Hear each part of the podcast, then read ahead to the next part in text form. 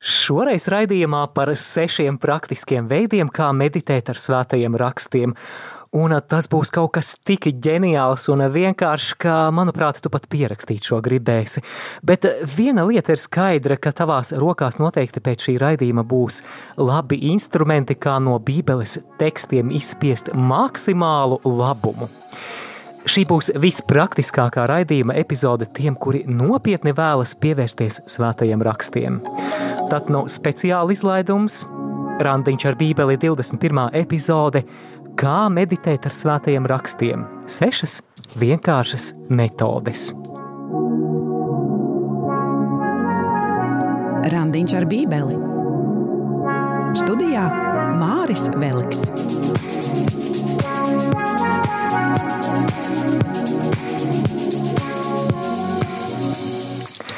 Kā allaž raidījumu iesāksim ar lūkšanu Dieva tēva un dēla un svētā gara vārdā Āmen.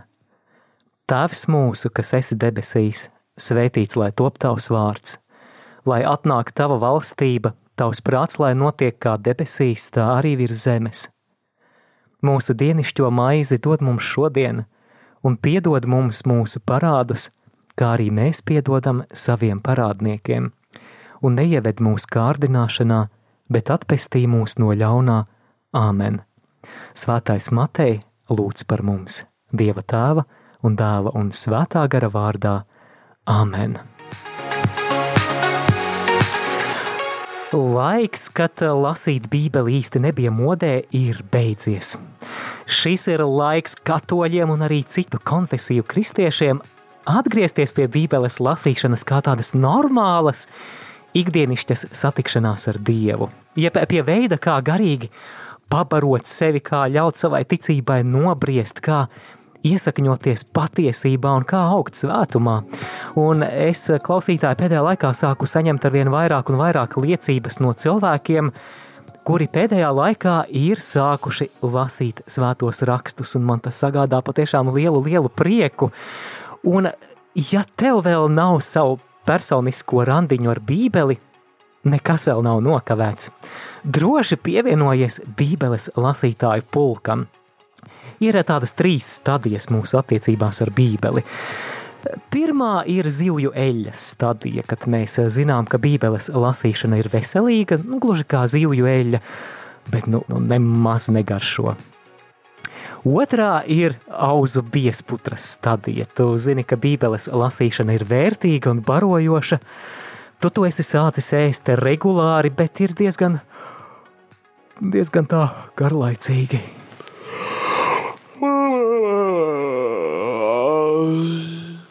Nu, apmēram tā. Bet es vēlos iedrošināt tevi, klausītāji, piedzīvot trešo stadiju.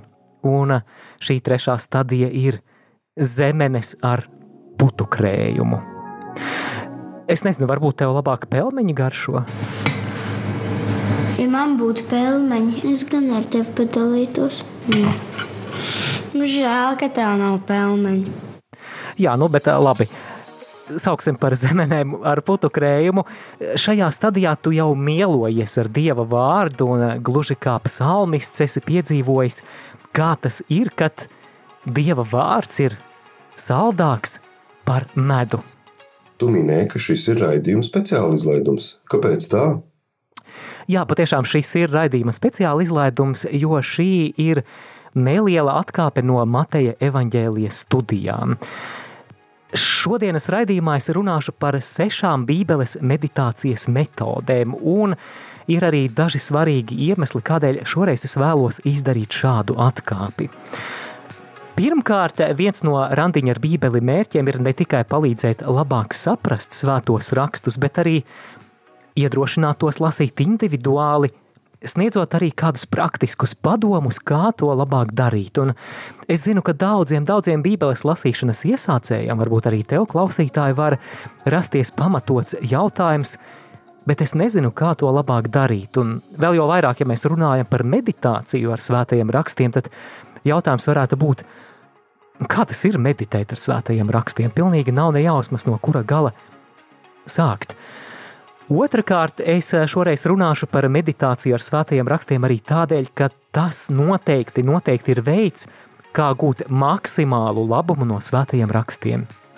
Jā, jo tieši šī meditācija ar Bībeli ir veids, kā vislabāk mēs varam aizurpties līdz tiem pelmeņiem, labi, līdz tām zemenēm ar putukrējumu, kas slēpjas Dieva vārdā. Ar ko Bībeles meditācija atšķiras no vienkāršas Bībeles lasīšanas? Jā, paldies. Domāju, ka visiem ir skaidrs, kas ir Bībeles lasīšana. Mēs ņemam kādu Bībeles grāmatu un lasām to uz priekšu, un to ir vērts darīt, lai redzētu kopējo Bībeles bildi. To mēs darām regulāri. Savukārt, meditācija ir kā tāds pieturas punkts šajā skrējienā. Tas ir tas brīdis, kad mēs nesteidzamies uz priekšu, bet mēs uzkavējamies pie kāda neliela svēto rakstu fragmenta, lai to pārdomātu. Tas ir līdzīgi tam, kā govs atgremo zāli. Tā apēd zāli, un tad eh, piedodiet atvemi un gremo atkal, un, un tas atkārtojas vairākas reizes. Līdzīgi meditācijā ar Dieva vārdu mēs kādu bībeles fragmentu nevis vienkārši apēdam, bet mēs savās pārdomās pie tā atkal un atkal atgriežamies. Un Tieši tas ir veids, kā no šī bībeles fragmenta mēs varam izspiest maksimālu labumu. Nu, gluži kā citronu izspiežot tā pamatīgi tējas krūzē. Šāds salīdzinājums - Bībeles lasīšana ir kā burāšana pa okeāna virsmu. Un tā ir ļoti svarīga, lai iepazītu svētos rakstus, visus tos krastus un salas, bet Bībeles meditācija savukārt ir kā dziļūdens niršana. Kad mēs kādā tekstā ienirstam līdz pat tām dzelmēm, kuras burājot vienkārši nav redzamas. Un tad no šajās dzelmēs mēs ieraugām to krāšņo zemūdens pasauli ar skaistiem koraļiem, ar eksotiskām zivīm un ar dažādiem zemūdens apslēptajiem dārgumiem. Un Jā, starp citu par to, ka Bībeles meditācijai ir labi augļi, mēs lasām arī pašā Bībelē, ieklausies pirmajā psalmā. Svētīgs tas cilvēks, kas neseko bezdievju padomam, nec staigā grēcinieku ceļus, nedz arī sēž paļātāju pulkā, un tad tālāk jāpievērš īpaši uzmanība, bet kam prāts saistās pie tā kunga baušļiem un kas dienām un naktīm domā, par viņa bauslību. Varētu tulkot arī meditē par viņa bauslību. Un tālāk tekstā ir apsolījums, ka tāds ir līdzīgs kokam, kas stādīts pie ūdens upēm, kas savus augļus nes pareizā laikā un kam lapas nesavīst. Viss, ko viņš dara, tam labi izdodas. Tad no raidījuma turpinājumā es sniegšu sešas praktiskas Bībeles meditācijas metodes, kuras es aicinu tevi, klausītāji, izmēģināt savas privātās lūkšanas laikā, kad jums būs tāda iespēja. Nu jā, varbūt nedēļas nogalē. Šīs metodes es esmu ņēmis no Rika Vorena grāmatas Bībeles studiju metodes – 12 veidi, kā atklāt dieva vārdu. Manuprāt, latviešu šī grāmata nav izdota, bet lietoju es angļu oriģinālu. Un, kad pirms kādiem desmit gadiem es izlasīju par šīm metodēm, man pilnīgi acis atvērās par Bībeles lasīšanu, un es saņēmu tādus ļoti vērtīgus instrumentus, kā no Bībeles tekstiem izspiest to maksimālo labumu.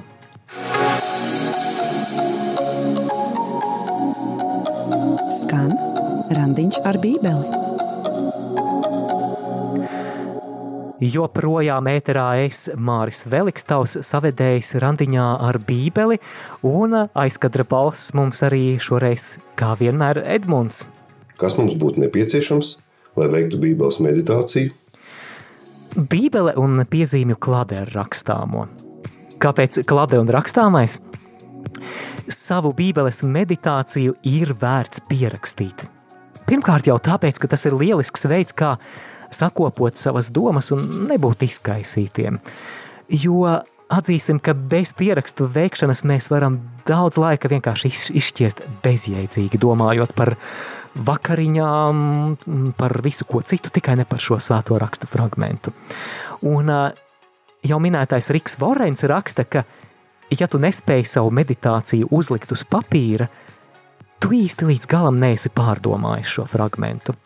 Un vēl otrais svarīgais iemesls, kādēļ meditāciju ir vērts veikt rakstiski, Piezīmju veikšana palīdzēs tev neaizmirst to, ko Dievs caur svētajiem rakstiem tev meditācijā atklāja, un tas arī palīdzēs tev vēlāk dalīties ar citiem šajās atziņās. Un, starp citu, liela daļa no randiņa ar bībeli satura ir dzimusi tieši caur meditāciju par attiecīgajiem svēto rakstu fragmentiem un caur šo pārdomu pierakstīšanu. Tātad daļa šajā raidījumā parasti ir informācija no komentāru grāmatām, bet daļa arī no manas personiskās meditācijas, kā manas meditācijas auglis, pārdomājot, kā šis vārds attiecas uz mūsu dzīvi. Tātad noteikti, noteikti veids pierakstus, un tas būs daudz aizraujošāk un efektīvāk. Vai ir vēl kaut kas jāzina pirms runājam par sešām Bībeles meditācijas metodēm? Jā, Meditāciju vienmēr, vienmēr sāc ar lūkšanu. Lūdz, lai svētais gars tevi vada pārdomās par šo tekstu. Jau pati meditācija ar rakstiem ir lūkšanas veids. Un lūdz, lai tās nebūtu tikai tavas personiskās pārdomas par šiem tekstiem, bet lai pats Dievs, kurš ir iedvesmojis šo vārdu, arī atklāja tev tā nozīmi un parāda, ko šis vārds nozīmē tev. Tātad lūdzies! Saki, lūdzu, kāds ir šīs meditācijas ar Bībeli mērķis?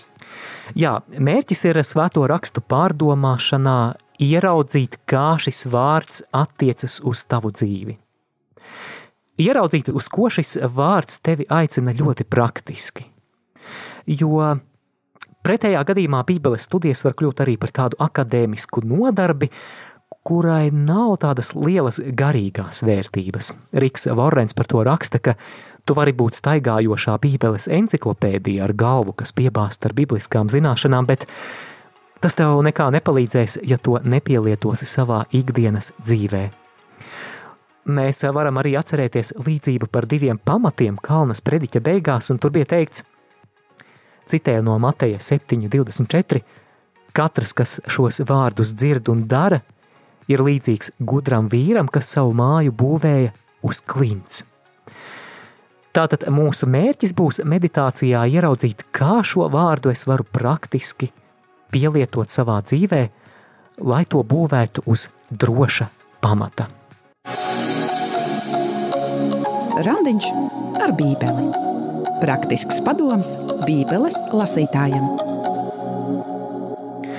Jā, turpinām ar ļoti, ļoti praktiskām lietām, kuras noteikti varēs izmēģināt savā lūkšanu laikā. Un tad nu tagad par tām sešām metodēm, kā meditēt ar svētajiem rakstiem. Un sāksim, protams, ar pirmo. Pirmā - Svētā Ignācija metode. Šajā metodē mēs savā prātā iztēlojamies Bībelē aprakstīto ainu. Un šī metode ir lieliska, lai pārdomātu Bībeles notikumus. Un tādu, protams, ir daudz gan vecajā derībā, gan evaņģēlijos. Piemēram, iztēlojies, ka tu esi aprakstīto notikumu dalībnieks.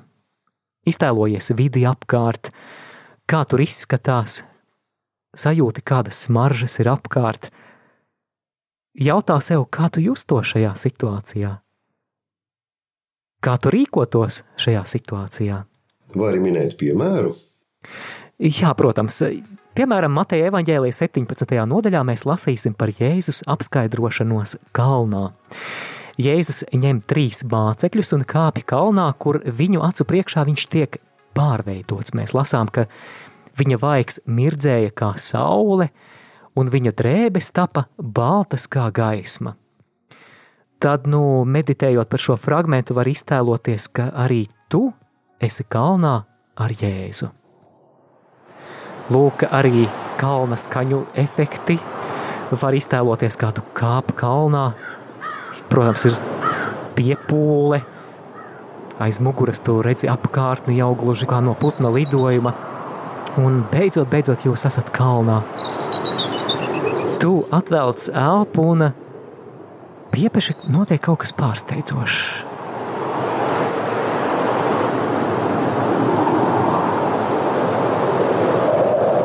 Iztēlojies, kā Jēzus izskats mainās – Iztēlojies viņa spožumu. Vai tev arī aizraujas elpa, redzot viņa skaistumu? Un kā tas ir, kad apustulis Pēteris saka, Kungs, mums ir labi šeit būt. Uzcelsim trīs teltis, vienu tev, vienu mūzum un vienu elijam. Vai arī tev šajā kalnā ir labi būt? Un kā tas ir tad, kad ir labi kopā ar Jēzu?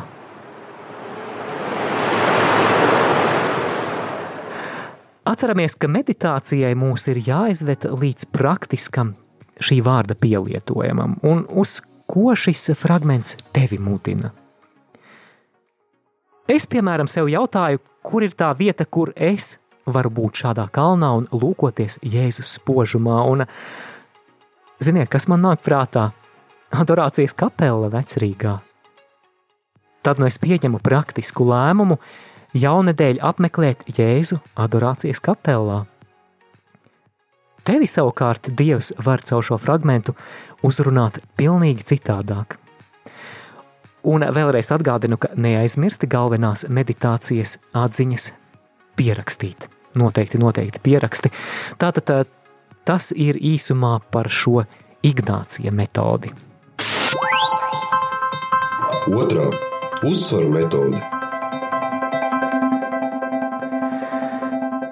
Šajā metodē mēs izvēlamies vienu Bībeles pantu un lasām to vairāk kārt, katru reizi uzsverot citu vārdu. Un tad mēs pārdomājam, kādu šī fragmenta aspektu mums konkrētais vārds izgaismo. Vai arī minēt piemēru? Labi, kā piemēru mēs paņemsim fragmentu no 1. Jāņa vēstules 3. nodaļas, ņemsim pirmo pantu. Tur ir teikts – Redziet, cik lielu mīlestību Tēvs mums ir dāvājis, ka mēs tiekam saukti Dieva bērni. Vispirms pamēģināsim uzsvērt šī teikuma pirmo vārdu. Redziet, tātad redziet, cik lielu mīlestību Tēvs mums ir dāvājis. Par ko tev runā šis vārds redziet? Man, piemēram, šis vārds redziet atgādina par to, ka Dieva mīlestību mēs varam arī nepamanīt, neredzēt. Tāpēc apustulis mūs šeit aicina ieraudzīt, būt mērķtiecīgiem un vērīgiem un censties saskatīt, kur tad ir tās Dieva mīlestības zīmes mūsu dzīvē. Labi, uzsvērsim nākamos vārdus tagad. Redziet, cik lielu mīlestību Tēvs mums ir dāvājis. Par ko tas runā? Tātad tava mīlestība ir liela. Man tas liek domāt, cik laba un plaša debesu tēvam ir sirds. Ejam tālāk, vēlreiz šī pati raksturvieta, bet uzsvērsim nākamo vārdu - mīlestību. Redziet, cik lielu mīlestību Tēvs mums ir dāvājis, ka tiekam saukti Dieva bērni. Ko šis uzsvars tev atgādina? Man tas liek domāt par dieva mīlestību kā galveno šī panta tēmu. Tātad, ko tēvs mums ir dāvājis? Mīlestību. Jā, mēs varam šeit apjaust to, cik mēs esam mīlēti. Redziet, cik lielu mīlestību tēvs mums ir dāvājis, ka tiekam saukti dieva bērni. Ko uzsvars uz tēvu mums atgādina? to, ka šīs mums dāvātās mīlestības avots ir tēvs. Vēlreiz lasām šo pantu, uzsverot nākamo vārdu. Redziet, cik lielu mīlestību tēvs mums ir dāvājis. Uzsvars uz mums var likt pārdomāt, ka es un tu, mēs neesam izslēgti no šīs mīlestības mantinieku loka. Jā, ka mēs esam šīs mīlestības adresāti, un tas jau ir iemesls priekam un pateicībai. Tad no šādā garā mēs varam turpināt uzsverot arī pārējos vārdus šajā rakstu vietā un savas pārdomas pierakstām un neaizmirstam, ka mums ir jānonāk līdz praktiskam šī vārda pielietojamam. Un katram tas būs savs. Tas, kas man ienāca prātā, ir šāds praktisks solis. Kā pamostoties rīt no rīta, tūdaļ pievērst savu sirdi debesu tēvam, un pateikties, ka es esmu viņa mīlēts, ka viņš mani sauc par savu bērnu. Labs veids, kā iesākt dienu, vai ne? Trešā metode - parafrāze. O, par šo man patīk runāt. Parafrāze ir mana mīļākā Bībeles meditācijas metode. Šeit mēs mēģinām izvēlēto rakstu vietu izteikt saviem vārdiem. Tu pārfrāzē to savos vārdos. Mēdz teikt, ka, ja šo rakstu vietu tu nevari pateikt saviem vārdiem, tu neesi to īsti sapratis. Un šeit mums ļoti palīdz meditācijas rakstīšana pierakstu kladē. Vari minēt piemēru? Jā, protams, es domāju, ka labs piemērs varētu būt fragments no Mateja evaņģēlijas sastās nodaļas, kā tu saviem vārdiem izteiktu tekstu – Mūsu Tēvs debesīs, svētīts lai top tavs vārds. Es piedāvāju šādu variantu. Mūsu debesu tēti, lai tavs vārds tiek godāts pāri visiem vārdiem. Tad tālāk lasām tekstu, lai nāk tava valstība. Šo es pamēģināšu saviem vārdiem izteikt tā, sāc valdīt šeit. Labi, tad lasām tālāk. Tavs prāts, lai notiek kā debesīs, tā arī virs zemes. Kā šo domu tu, klausītā, izteiktu saviem vārdiem? Piedāvāšu savu variantu, lai tava griba piepildās šajā pasaulē, gluži kā pie tevis tur augšā aizraujoša metode, vai ne? Tad, nu, saliekot kopā, mums tikko sanāca šāds teksts: Mūsu debesu tēti, lai tavs vārds tiek godāts pāri visiem vārdiem. Dievs sāc valdīt šeit, lai tava griba piepildās šajā pasaulē, gluži kā pie tevis tur augšā.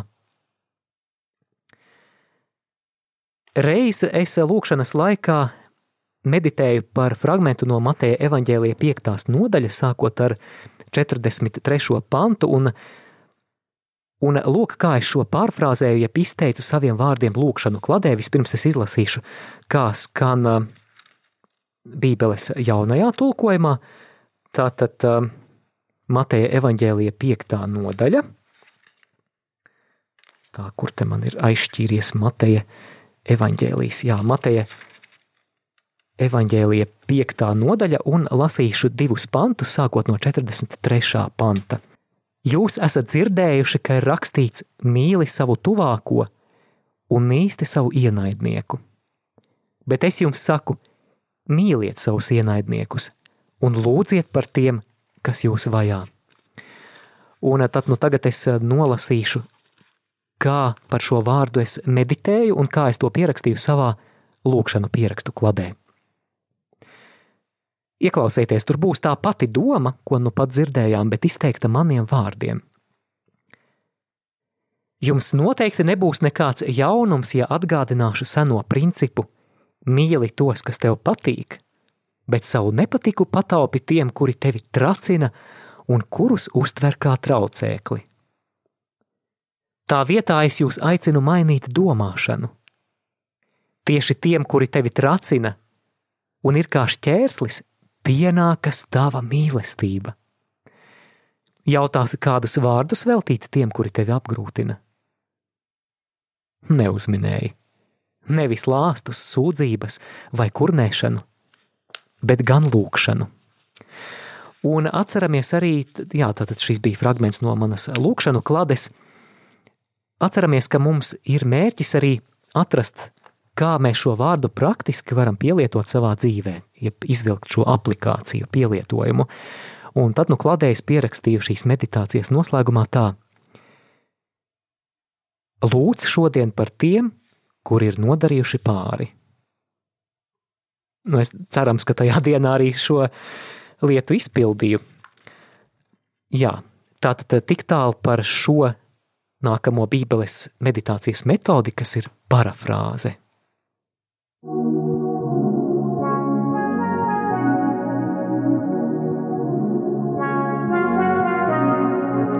Uzmanību!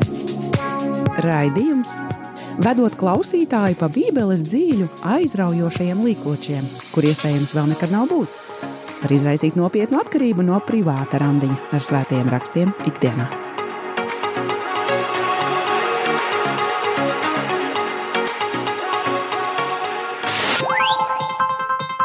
Ceturtā metode - personalizē rakstu vietu. Šo metodi var īstenot aizstājot vietnieku vārdus tekstā ar savu vārdu. Piemēram, tu lasi Jāņa evanģēlija 3. nodaļa 16. pantu, jo tik ļoti Dievs mīlēja pasauli, ka atdeva savu vienpiedzimušo dēlu, lai neviens, kas viņam tic, nepazustu, bet iegūtu mūžīgo dzīvi. Ja tevi, piemēram, sauc Anna, tad ieliec tekstā savu vārdu. Jo tik ļoti Dievs mīlēja Annu, ka deva savu vienpiedzimušo dēlu, lai Anna, kas viņam tic, nepazustu, bet iegūtu mūžīgo dzīvi. Šī metode ļauj labāk ieraudzīt, ka Dieva vārds nav vispārīgi principi, bet ka tie ļoti tieši attiecas uz tevi. Piektā metode - uzdod jautājumus. Šīs metodes būtība ir tāda, ka jo vairāk tu uzdod jautājumus par tekstu, jo vairāk labuma iegūsti. Vari tos pierakstīt un arī ielikt savā bībelē kā spikeri, kā grāmatzīmi, un tad no jautājumus, kurus tūlīt es nosaukšu, esmu es ierakstījis arī savas bībeles pēdējā vākā, tā lai nepieciešamajā brīdī, ja tie man ir aizmirsušies, lai es varētu ielūkoties Un tie ļoti, ļoti noder, kad es vēlos pārdomāt kādu bībeles fragmentu, kad es vēlos izspiest no kāda bībeles fragmenta maksimālu labumu. Un vari tagad pierakstīt šādus vārdus, un pie katra no tiem arī būs savs jautājums, kas no tā izriet.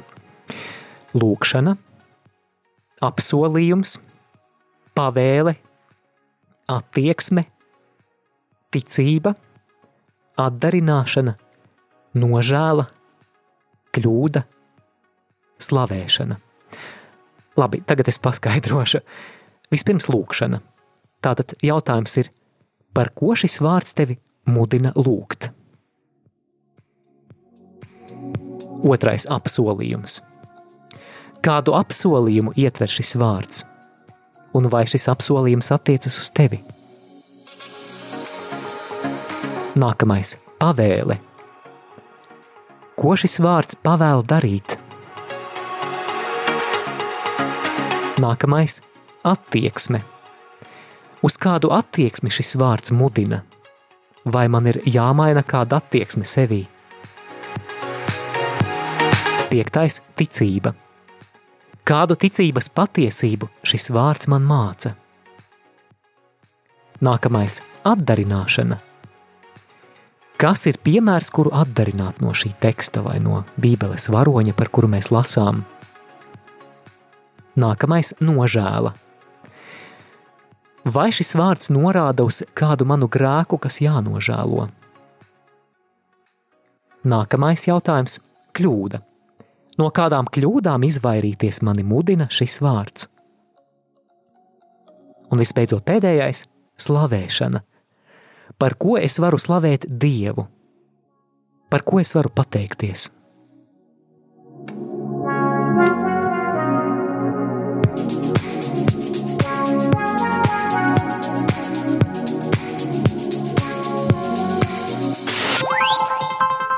Sestā metode - lūdzies ar vārdu. Jā, sastā metode. Šajā metodē mēs ne tikai lasām svēto rakstu fragmentu, bet mēs to pārvēršam lūkšanā. Jebkurā rakstu vietā ir tēmas, par kurām mēs varam lūgt.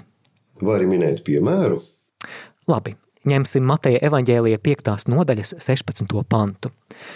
Tāpat, lai jūsu gaisma spīti cilvēku priekšā, tā ka tie redz jūsu labos darbus un godā jūsu tēvu, kas ir debesīs.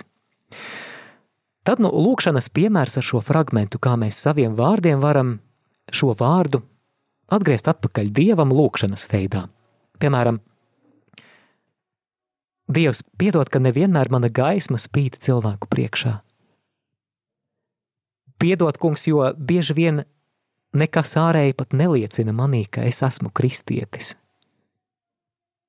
Kungs, tu aicini, lai mūsu labie darbi kļūtu par liecību par debesu tēvu. Iedvesmo mani ikdienā darīt labu pat tad, ja es par to neko atpakaļ nesaņemu. Kungs, es ilgojos, lai mana dzīve, mani darbi liecinātu par to, cik brīnišķīgs ir mans debesu tēvs. Randiņš ar Bībeli. Savedējs Māris Veliks.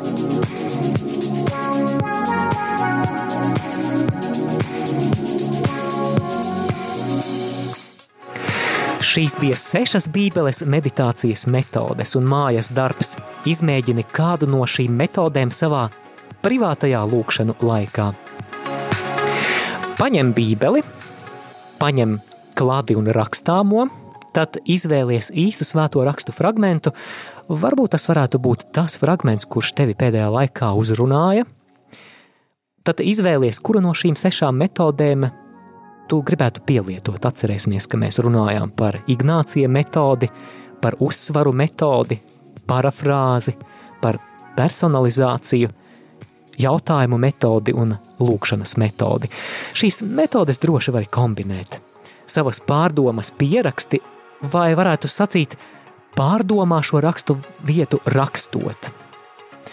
Un atceries, ka mērķis meditācijai ir ieraudzīt, kā šis vārds attiecas uz tavu dzīvi un tad mēģini arī izdarīt kādu praktisku, izpildāmu apņemšanos, un tad tu būsi gluži kā apustulis Jēkabs raksta ne tikai vārda klausītājs, bet arī vārda darītājs. Un nākamreiz es gribēšu dzirdēt jūsu liecības, kā jums gāja ar bībeles meditāciju. Un vēl es lūkšu tavu palīdzību, klausītāji. Tas, ko dzirdēju raidījumā, tā nav cepta zivs, bet gan ļoti vērtīga makšķere, ar kuras palīdzību katrs bībeles lasītājs var vilkt no bībeles dzīvēm tās labās zivis. Vilkt ārā paši. Un šī raidījuma misija ir veicināt bībeles lasīšanas kultūru starp katoļiem un ne tikai. Un, ja uzskati, ka šī epizode var palīdzēt arī citiem kļūt par efektīvākiem bībeles lasītājiem, tad lūdzu padot šo raidījumu tālāk sociālajos tīklos, ielaiko, raksti komentārus ar vienu mērķi, lai Bībeles lasīšanas atmoda aizsniedz tos, līdz kuriem tā vēl nav nonākusi. Un es jau iepriekš sirsnīgi, sirsnīgi pateicos. Droši rakstiet arī savas atsauksmes jebkurā laikā uz e-pastu randiņš ar bībeli at gmail.com. Un uh, raidījuma noslēgumā es arī atgādinu, ka randiņu ar bībeli, kā arī citus Radio Marija Latvija raidījumus šobrīd var klausīties arī Spotify un iTunes. Ierakstiet raidījumu nosaukumu un jūs atradīsiet visas iepriekšējās epizodes. Lai Dievs sveitī tevi klausītāji ikdienā un tavos randiņos ar bībeli. Gods lai ir tēvam un dēlam un svētajam garam – kā tas no iesākuma ir bijis, tā tagad un vienmēr, un mūžīgi mūžos. Āmen! Dieva tēva un dēla un svētā gara vārdā. Āmen!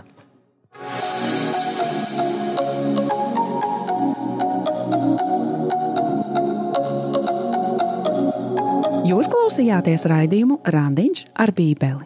Savas atsauksmes, ieteikumus un jautājumus sūtiet uz e-pastu Randiņš ar Bībeli at gmail.com. Iepriekšējās raidījuma epizodes aicinām meklēt arhīvā.